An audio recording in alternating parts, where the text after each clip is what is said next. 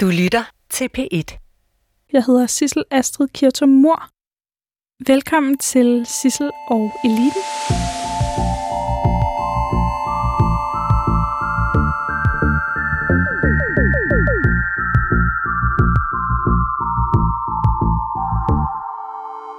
Anders Bjarklev, du er professor på DTU, Ja. og du er formand for rektorkollegiet, og du er en del af magteliten. Og nu har du fået æren af at være med i Sissel og Eliten. Så velkommen.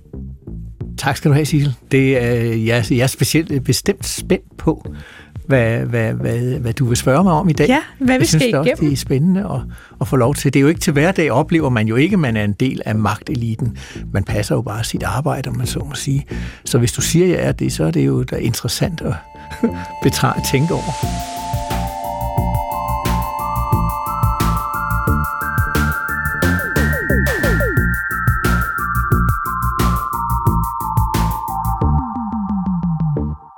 Hvordan har du det med det? Jamen, jeg har det sådan set ok med det, med, med det men, det, men det er jo ikke, det er jo ikke sådan en, for, det er jo ikke sådan en særlig fornemmelse, som jeg, jeg, jeg fik, og, og, og, og når du nævner det, så er det jo ikke engang sikkert, at jeg, jeg er helt overbevist om, at det er rigtigt, fordi øh, jeg synes jo bare, øh, at, at jeg, jeg prøver at passe mit arbejde og, og, og, og, og presser på med de sager, som er vigtige for de danske universiteter, for mit eget universitet, DTU, og, og, og en gang imellem, så, så er der nogen, der lytter, og så er der også en gang imellem, hvor der ikke lyttes så meget, så det er jo ikke sådan, at man bare øh, knipser med fingrene, og så sker der et eller andet. Noget af det kan godt tage rigtig lang tid. Hvornår er der nogen, der ikke lytter til selveste DTU's rektor?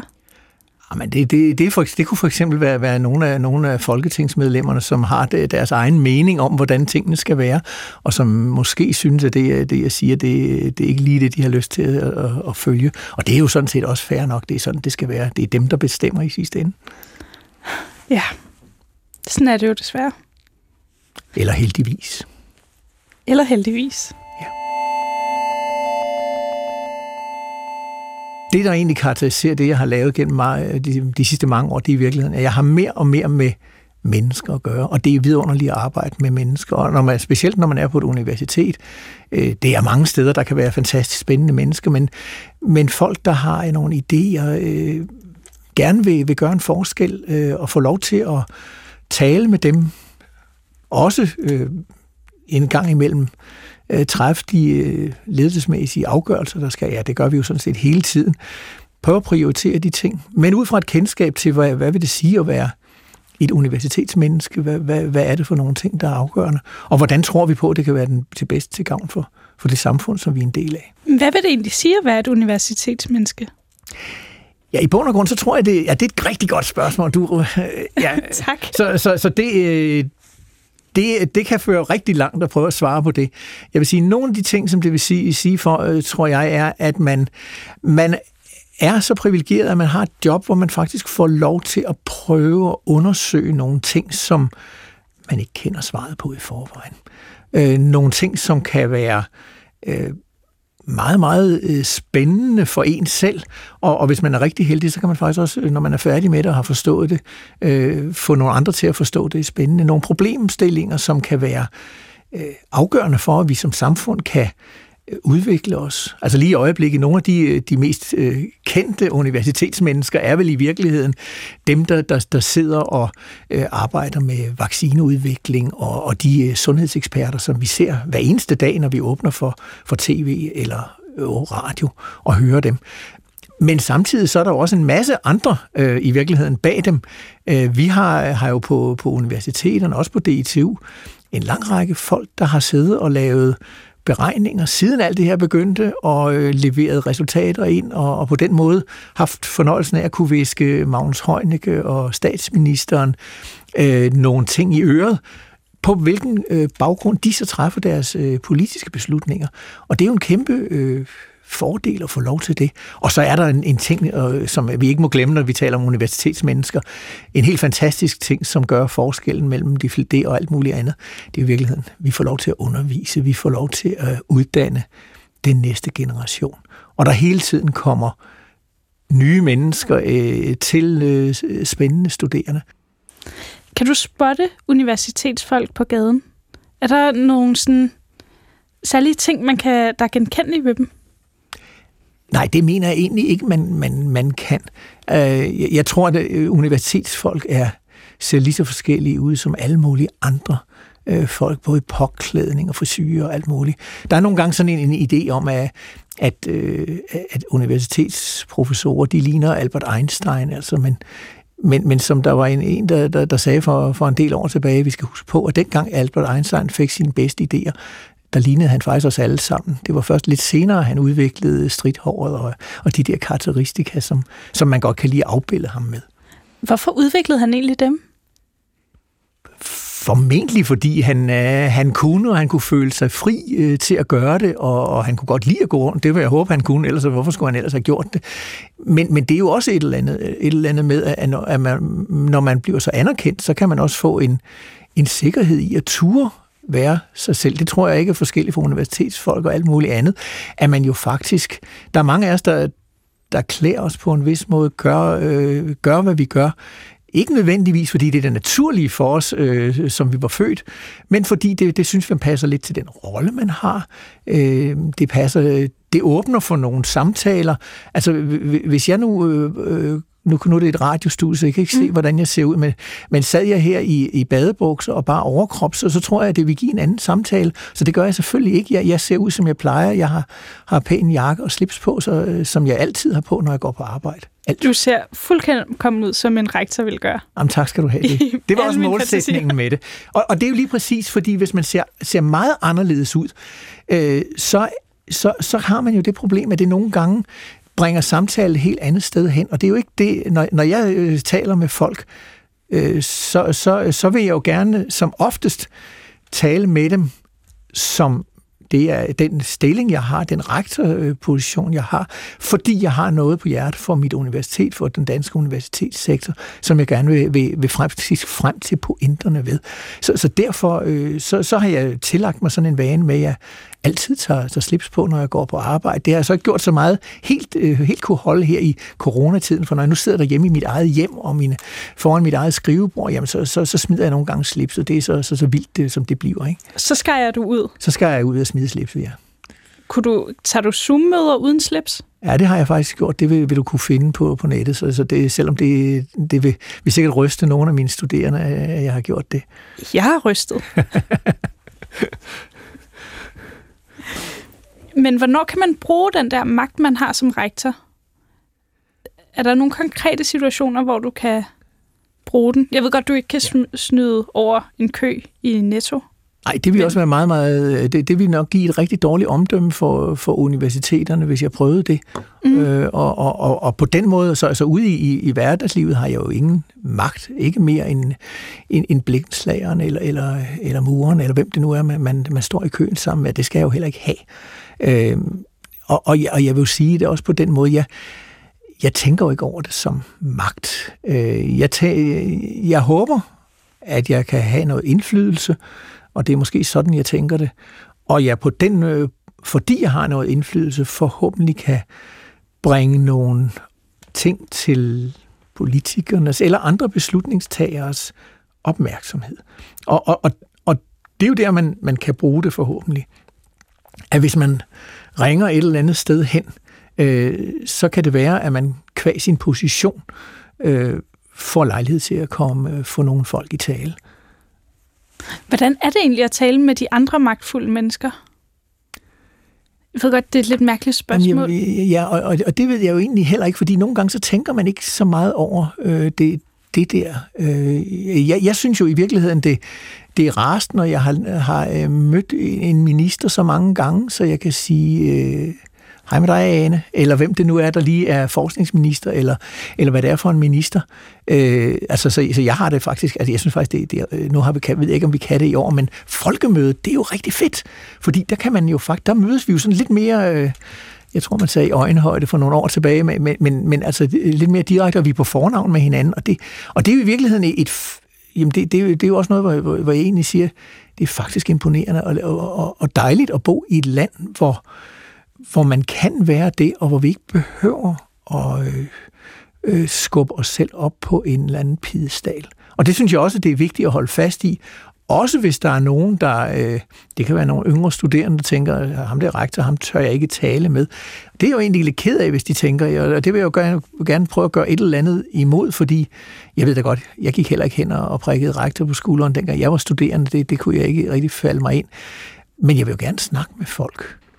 Fordi det er jo en anden aspekt i det, at man, man har en vis position øh, i en organisation. Det gælder et universitet som hver anden.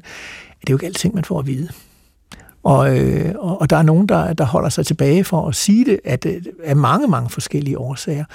Så, så når man skal træffe, træffe beslutninger, det skal man jo faktisk hele tiden, jamen så er det øh, ofte på et, et, et begrænset grundlag øh, af viden, at man gør det. Det er jo ikke rart som tidligere forsker. Nej, det er det nemlig ikke. Så hvad gør man så? Jeg tror, man er simpelthen nødt til at lære sig, lære sig at det er en anden rolle. Og det, og det er jo en af de ting, der følger med det at være, være rektor i modsætning til at være forsker. Øh, er man for eksempel også øh, for fornøjelsen af at blive øh, hoppe ind i, i, i sådan et studie og tale med dig. Øh, for det fik jeg jo, øh, altså hvis jeg, havde jeg været, været, været en, en, en professor i, i, i, i lysleder, så er det ikke sikkert, at du havde snakket med mig. Det må jeg jo bare øh, sige. Så det, det, der kommer nogle fordele ved, ikke sandt? Det har du desværre ja. ret i. Og, og, og, og, og der må man så også sige, der skal man jo også huske på, at vi som forskere er trænet i at prøve at fortælle hele historien fra at set fra alle sider, før vi præsenterer den. Det kan man ikke altid. Det er der ikke tid til her i, øh, i radioen, eller, eller i tv, eller et eller andet, hvor man har to minutter. Nu har vi lidt længere tid i dag. Heldigvis. Til det. Ja, heldigvis. Men, men ellers så, så må man bare sige, det er der jo ikke tid til. Og det vil sige, at man skal simpelthen øh, lægge nogle af sine forskervaner fra sig. Og jeg håber da, jeg vil egentlig ønske, at der var mange flere forskere, der ville prøve det, også selvom de ikke, ikke er blevet rektorer og heller ikke har ambition eller tid eller lyst til at blive det. Men, men at, man, at vi får den stemme hørt lidt mere, fordi øh, jeg ved, at der er rigtig mange forskere, der har enormt meget spændende øh, på hjerte, som jeg tror øh, alle mulige andre mennesker i det her samfund vil have stor øh, glæde af, og som de har lyst til at diskutere med de forskere. Nu har jeg jo aldrig gået på universitetet. Det er altid muligt. Jamen, jeg kan... Det bliver mig, der kommer til at ringe til dig om natten hvis jeg være, kommer ind på DTU. Du skal være velkommen. du skal være velkommen. Det er jeg meget glad for. Men hvilket, hvilket type, hvilke, er der sådan et hierarki inden for universiteter?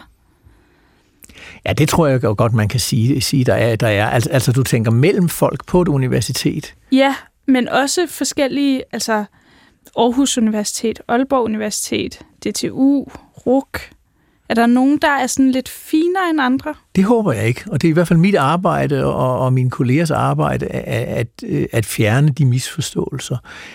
Det er klart, at vi laver noget forskelligt.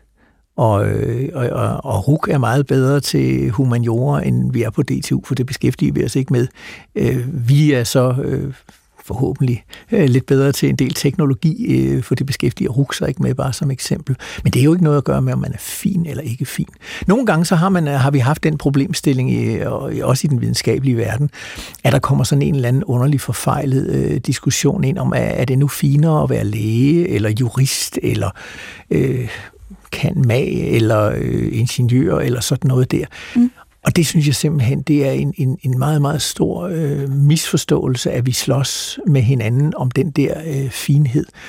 Øh, jeg vil våge at påstå, at hvis, hvis man har et, et, et, et, et meget, meget stærkt behov for at udtrykke, at man er finere end nogen andre, så er det muligvis, øh, fordi man, man, man har lidt, lidt, lidt øh, tvivl på ens egen øh, kompetence, når det kommer til stykket. Så, så jeg, jeg har egentlig altid gået efter at prøve at sige, det drejer sig altså ikke om at være finere. Det, dem, der ikke er fine, det er dem, der er dårlige til deres fag. Og fordi de ikke gider at gøre noget ved det. Dem, der er fine, det er dem, der er gode til deres fag. Og så kan faget være hvad som helst. Øh, og, og, og altså, jeg sætter pris på, når man nu kan det igen, og hvis jeg går ud og spise, at kokken har, er god til sit fag. Øh, jeg dømmer ikke kokken på, om, om, øh, om han øh, eller hun kan løse Maxwells ligninger. Øh, det kan han så prøve at dømme mig på, øh, fordi jeg er ikke nær så god til at lave mad, som han er eller hun er. Og derfor så, så tror jeg altså, det er meget, meget vigtigt, at vi holder fast i finhed, i mine øjne. Det kommer ved folk, der går op i deres arbejde, eller øh, deres liv øh, op i deres medmennesker, øh, prøver at skabe noget og, og, og gøre en forskel, så er man fin, og så, kan man, og så er det sådan set uafhængigt, om man har lange universitetsuddannelser eller ej, eller hvordan det er. Det, det, er ikke, det, det berører ikke sagen. Det er folk med passion, der, der bliver husket, uanset hvad, hvad de laver. Hvad gør du så, når du møder den der form for snopperi? Ja, det er jo så en af fordelene ved at være rektor, øh, hvis man kan det, fordi så kan man jo sådan set prøve at, at tage nogle, øh, nogle skridt til at, øh, at bringe folk ned på, på jorden igen, hvis de er ved at, at lette. Og det, og, det, og det gør jeg så, når jeg ser, ser mit snit dertil. Fordi i, i, i bund og grund, så tror jeg ikke, at det gavner nogen, at man kommer med den der slags snopperi. Øh, og, og altså, jeg kan huske, da jeg lige var begyndt som rektor, der, der, øh, der var der en af, øh, der, der en dag, der, der, der lige jeg kommer ind i den her øh, kreds af direktører og så videre, og så kommer der nemlig nogle spørgsmål op, op som, jeg kan ikke lige huske, hvad spørgsmålet var, men så, så siger jeg, jamen hør nu her, professoren er jo ikke, ikke finere end ham, der går rent. Det kunne jeg godt se, der var der sådan nogen, der lige, det gibbede lige et par stykker af dem, og, og så må jeg sige, nej, jo, det er han. Hvis professoren er god til sit arbejde, og ham, der går rent rigtig dårligt, eller alle nullermændene liggende i hjørnerne, hjørnerne, fordi så er der ingen tvivl om, hvem der er god til sit arbejde. Men i bund og grund, så kan professoren ikke passe sit arbejde, hvis ikke der er gjort ordentligt rent. Og øh, ham, der øh, gør rent, kan heller ikke have det arbejde, hvis ikke der er nogen, der, der, der laver noget i de der lokaler, for så er der ikke noget sted at gøre rent. Så, så på den måde, der tror jeg, at, at der er rigtig meget at opnå, hvis vi kan få folk til at forstå, at vi skal anerkende hinanden, hvis vi er gode til det, vi gør. Hvis vi går op i det, vi gør. Og så, så hænger det altså ikke så meget på, om man er øh, det ene eller det andet, synes jeg. Men kan man ikke godt blive lidt upopulær ved at sige den slags? Jo, det kan man sikkert godt. Og det, og, det, og det er jo også en af de ting, der så følger med, også når man har sådan et job som mit, at øh, jeg, jeg er nødt til at, at komme med udsagn om mange ting, og det er ikke alle, der er enige. Og, øh, og lige når man begynder i sådan et job, så tænker man, ups, det, det er da farligt eller et eller andet. Det må jeg så sige, nu har jeg været, øh, været i den her slags job i så lang tid, at det er, jeg sådan set, det er ikke det, der, øde, der, der ødelægger min nattesøvn øh, at, at tænke på, fordi jeg ved da godt, at jeg træffer beslutninger og øh, siger ting, som alle ikke kan være enige i, og selvfølgelig kan de ikke det. Bare på DTU har vi 6.000 ansatte. Der er garanteret nogle af dem, der ikke synes, at det, jeg siger, er, er, er de er enige i. Og det, det, det er de jo velkommen til at diskutere med mig og, og, og gøre det. Men, men, øh, men jeg må så også bare sige, øh, det er mig, der i øjeblikket har den stafet, der hedder, at det er mig, der taler på DTU's vegne. Øh, og, øh, og derfor så gør jeg det altså, og det, og det lægger jeg så, så heller ikke øh, på nogen måde øh, bånd på mig selv på. Jeg gør det selvfølgelig øh, efter min bedste øh, overbevisning. Og jeg mener, det er vigtigt, at vi prøver at være så ærlige som muligt, når vi kommunikerer. For ellers så er der ingen, der tror på os i sidste ende. Men jeg skal ikke, jeg, det er ikke min, min opgave at være populær som sådan. Øh, øh, ja, det, det kan ikke engang politikerne, som vel egentlig er nødt til at have stemmer, øh, være altid, for der er jo nogen, der stemmer på nogle andre. Nu er jeg ikke politiker, men øh, så det er heller ikke det, det, som jeg skal. Endnu? Det kan man aldrig vide. Altså, jeg er åben for enhver mulighed, når den kommer. ja, det kan jeg fornemme. ja.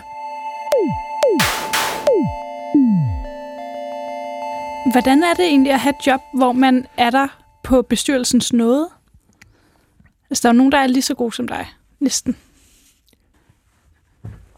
Jamen, jeg føler ikke, at jeg er der på, på bestyrelsen noget. Jeg ved, at jeg, altså, så længe jeg passer mit arbejde, eller jeg tror, så længe jeg passer mit arbejde, så, så fyrer bestyrelsen mig ikke. Og så tror jeg stadigvæk på, også at bestyrelsen er overbevist om, at, at, øh, at jeg er trods alt den, der lige har en, et mulehår mere lige i øjeblikket. Den dag, de ikke synes det, så skifter de mig. Og sådan er det. Hvor meget betyder netværk i øh, universitetsverdenen? Ja, det betyder øh, nok i virkeligheden. Altså for mig i dag betyder netværk øh, klart hovedparten af det, som, øh, som jeg laver. Det, det er det, der, der gør, at jeg kan lave de ting. Og jeg vil sådan set sige, selv når vi uddanner en, en, en ny kandidat øh, på et universitet, så, så, så nogle gange så tror vi, at, at øh, at, at det vigtigste, det er i virkeligheden det, det, det fag, de har. Det er det nok også. Det er lidt mere vigtigt lige, lige den dag, man er færdig, end det netværk, man har fået opbygget. Men, men i virkeligheden, hvis vi skal være helt ærlige, så betyder det netværk, man starter med at opbygge jo umådelig meget for de muligheder, man får senere hen, for at kunne løse opgaver hurtigt. Igen fordi vi hver især, der kommer vi lidt tilbage til det her med, med at være dygtigst eller klogest øh, til det, det er, det man, vi kan få succes, tror jeg, hvis vi hver især kan finde nogle områder, hvor vi bare er, er i den kombination, vi har, er lidt bedre end de andre. Men velvidende, at de andre, de er så også lidt bedre end en selv i alle de andre. Og det vil sige, hvis jeg skal løse en stor, kompleks opgave, så skal jeg jo ikke prøve at finde ud af at gøre det hele fra, fra, fra grunden af. Så skal jeg helst vide, hvilke 10 mennesker jeg skal ringe til, og, og, og, og skubbe på og høre, kan du ikke hjælpe mig, og sådan noget der. Og det er jo i virkeligheden nok, som jeg ser det, øh, lige præcis den her tid, vi sidder i øjeblikket med coronapandemien øh, øh, hos os, nok noget af det allersværeste, vi, vi er. Fordi vi er i en situation, hvor vi på grund af de måder, vi er nødt til at arbejde på, så er der rigtig mange af vores studerende, der ikke har den samme fart på at opbygge det netværk, som kommer til at være så afgørende for dem. Heldigvis. Så er det noget, man gør hele livet igennem. Og så vi skal, nu skal vi heller ikke øh, fortvivle over det. Men jeg tror, at der er en af de ting, vi skal gøre som universiteter, når nu vi, vi, vi må lukke lidt mere op igen, det er, at vi skal sætte nogle aktiviteter i gang, der i den grad sikrer, at vi, vi eller hjælper de studerende med at få sig et stærkere netværk. Og det kan være noget fagligt, det kan også være det noget, der, øh, der bare er nogle gode sociale aktiviteter, som får noget til at ske, og man lærer nogle mennesker at kende. For i bund og grund, når man når sådan et sted øh, og en alder som min, og den funktion, jeg har, jamen altså, øh, det, det er jo faktisk øh, mit vigtigste arbejdsredskab ud over computeren og skærmen, som det er lige i øjeblikket, jamen det er telefonen.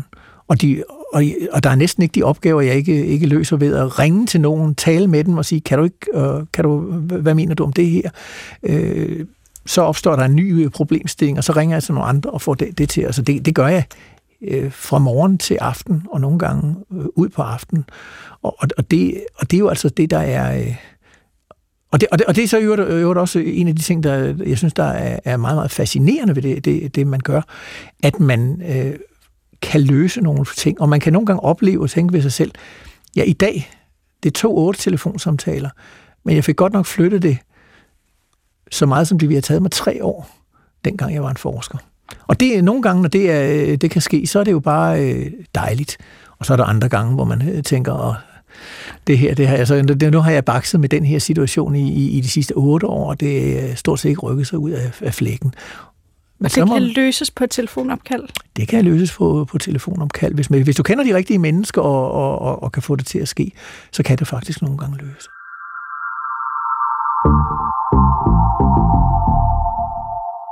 Men når man laver sådan et netværk, er det så... Jeg går ikke ud fra, at man kun taler om faglige ting. Handler det også om at gå til receptioner og være på folkemøde og kunne smalltalk lidt om hobbyer, eller hvad gør man for at have sådan et godt netværk? Ja, jeg tror, jeg tror, det bestemt handler om meget andet end, end fagligt. Og, nu, og, og så kan man så sige, at min faglighed i dag er jo, er jo ikke sådan en, en, en, en specifik en om et vigtigt forskningsområde. Min mm. faglighed er universiteterne, og det er jo mm. enormt bredt, så, så der kan jeg jo snakke, snakke med rigtig mange mennesker. Men, men i bund og grund, så tror jeg, det, det handler om, at vi kan øh, at vi vi er åbne over for det her ting. Og jeg kan sige som et eksempel, øh, det, det brugte jeg faktisk dengang, jeg, jeg selv havde Ph.D.-studerende, og øh, noget af det første, jeg, jeg, jeg, jeg altid satte mig for, det var at sige til dem, øh, tillykke, du er blevet Ph.D.-studerende, og nu har du en forpligtelse til at spille noget tid. Og så så de altid sådan meget chokeret ud, øh, som regel i hvert fald, fordi det er jo sådan nogle meget målrettede folk, der virkelig har ambitioner om, at der skal ske noget. Og så det der med at spille tid, og så siger de, hvad mener du dog med det? Så siger jeg, ved du hvad, nu har du, du, du skal i, i gang med en forskeruddannelse. Du har faktisk en forpligtelse til at åbne dig og åbne dit sind for ting, som du ikke lige ved, hvordan du skal bruge i morgen. Du skal gå ind og høre nogle foredrag, som du ikke aner, hvad du skal bruge til. Øh, hvis du øh, studerer matematik eller fysik, så kan det være, at du skal gå ind og høre nogle foredrag om kunst eller litteratur en gang imellem. Så kan der være nogen, der er lidt mere beslægtet med det, du ved, du vil bruge. Men det er godt. Snak med nogle mennesker om det, de, som du ikke aner ret meget om. Vær åben, åben dit, dit, sind. Hvis du gør det, så har du den bedste chance. Fordi det der er sagen, når man bygger et, et forskningsarbejde op, og senere hen et, også et, et ledelsesarbejde op, så man ved jo ikke på forhånd, hvad det er for nogle problemstillinger, man løber ind i. Men, men ens hjerne virker heldigvis på den måde, at hvis du har mødt en eller anden person, som sagde noget spændende til dig, så lige pludselig så tænker du, jeg kan, jeg kan ringe til, til hende der, der jeg mødte. Jeg kan ikke lige huske, hvad det var for et møde, eller hvad det var for en... Men, men jeg husker, hun sagde et eller andet, som jeg kan bruge i den her sammenhæng. Og hvis du så er heldig nok til at, at have fået øh, gemt det telefonnummer, der kan vi jo så bruge sådan noget, nogle af de her medier som LinkedIn og sådan noget, for der kan man nogle gange finde folk, også selvom du har smidt visitkortet væk. Så kan man så ringe til de her mennesker og sige, ved du hvad, kan du huske, vi mødtes for fire år siden. Nu har jeg en problemstilling, som jeg tror, øh, du kan hjælpe mig med. Hvad siger du til, at vi tager en, en kop kaffe eller sådan noget? Og den slags ting, det er faktisk enormt tilfredsstillende, når det virker. Så kan det også være, at man ringer til, og det gør man jo. Og det er jo igen, det er jo ligesom med forskning. De fleste idéer, man får, er ikke gode. De virker ikke. Man finder ud af det efter forhåbentlig hurtigt, og nogle gange så kan der gå uger, og nogle gange så gang måneder, indtil man finder ud af øh, at sige, jamen det kunne jeg jo have sagt mig selv. Men så har man selvfølgelig lært en masse ved at prøve alle de her ting af, og bygge erfaringer op. Og det er jo lidt det samme. Øh, jeg kan jo ikke huske så godt det, der ikke virkede. Øh, jeg kan ikke huske, øh, fordi når jeg siger, det er jo ikke bare sådan, at jeg, at jeg ved lige præcis, nu ringer jeg til den og den, og så, så løser alting sig. Jeg ringer sikkert til 10 gange så mange mennesker, hvor der ikke kommer rigtig noget ud af det, eller, eller, eller meget lidt ud af det. Og, og det glemmer jeg jo så, men jeg husker succeserne. Og det er jo sikkert ligesom fodboldspilleren husker også, når han scorer målet, eller, eller, eller hvad det nu er, håndboldspilleren, når hun, hun, hun, hun laver det, det, det syvende mål i den samme kamp. Det er det, man husker, og ikke, ikke alle de andre ting. Heldigvis. Heldigvis. Det er meget skånsomt. Det er godt, at vi har sådan skruet sammen, tror jeg. Ja. Anders Bjerglev, rektor for DTU. Tusind tak, fordi du ville være med. Men øh, inden du går, kunne du ja. så tænke dig, at vi tog linket på LinkedIn? Det synes jeg vil være en super god idé. Det vil det være mig en ære. Godt. Jamen, det vil være mig en ære. Og må jeg ringe til dig, hvis jeg får problemer med eliten en anden gang? Altid. Du tak. ringer bare. Det er ikke sikkert, at jeg tager den midt om natten, men så ringer jeg ned tilbage næste dag. Dit nummer er jo på nettet. Det er det nemlig. Tak skal du have. Tak fordi jeg måtte være med.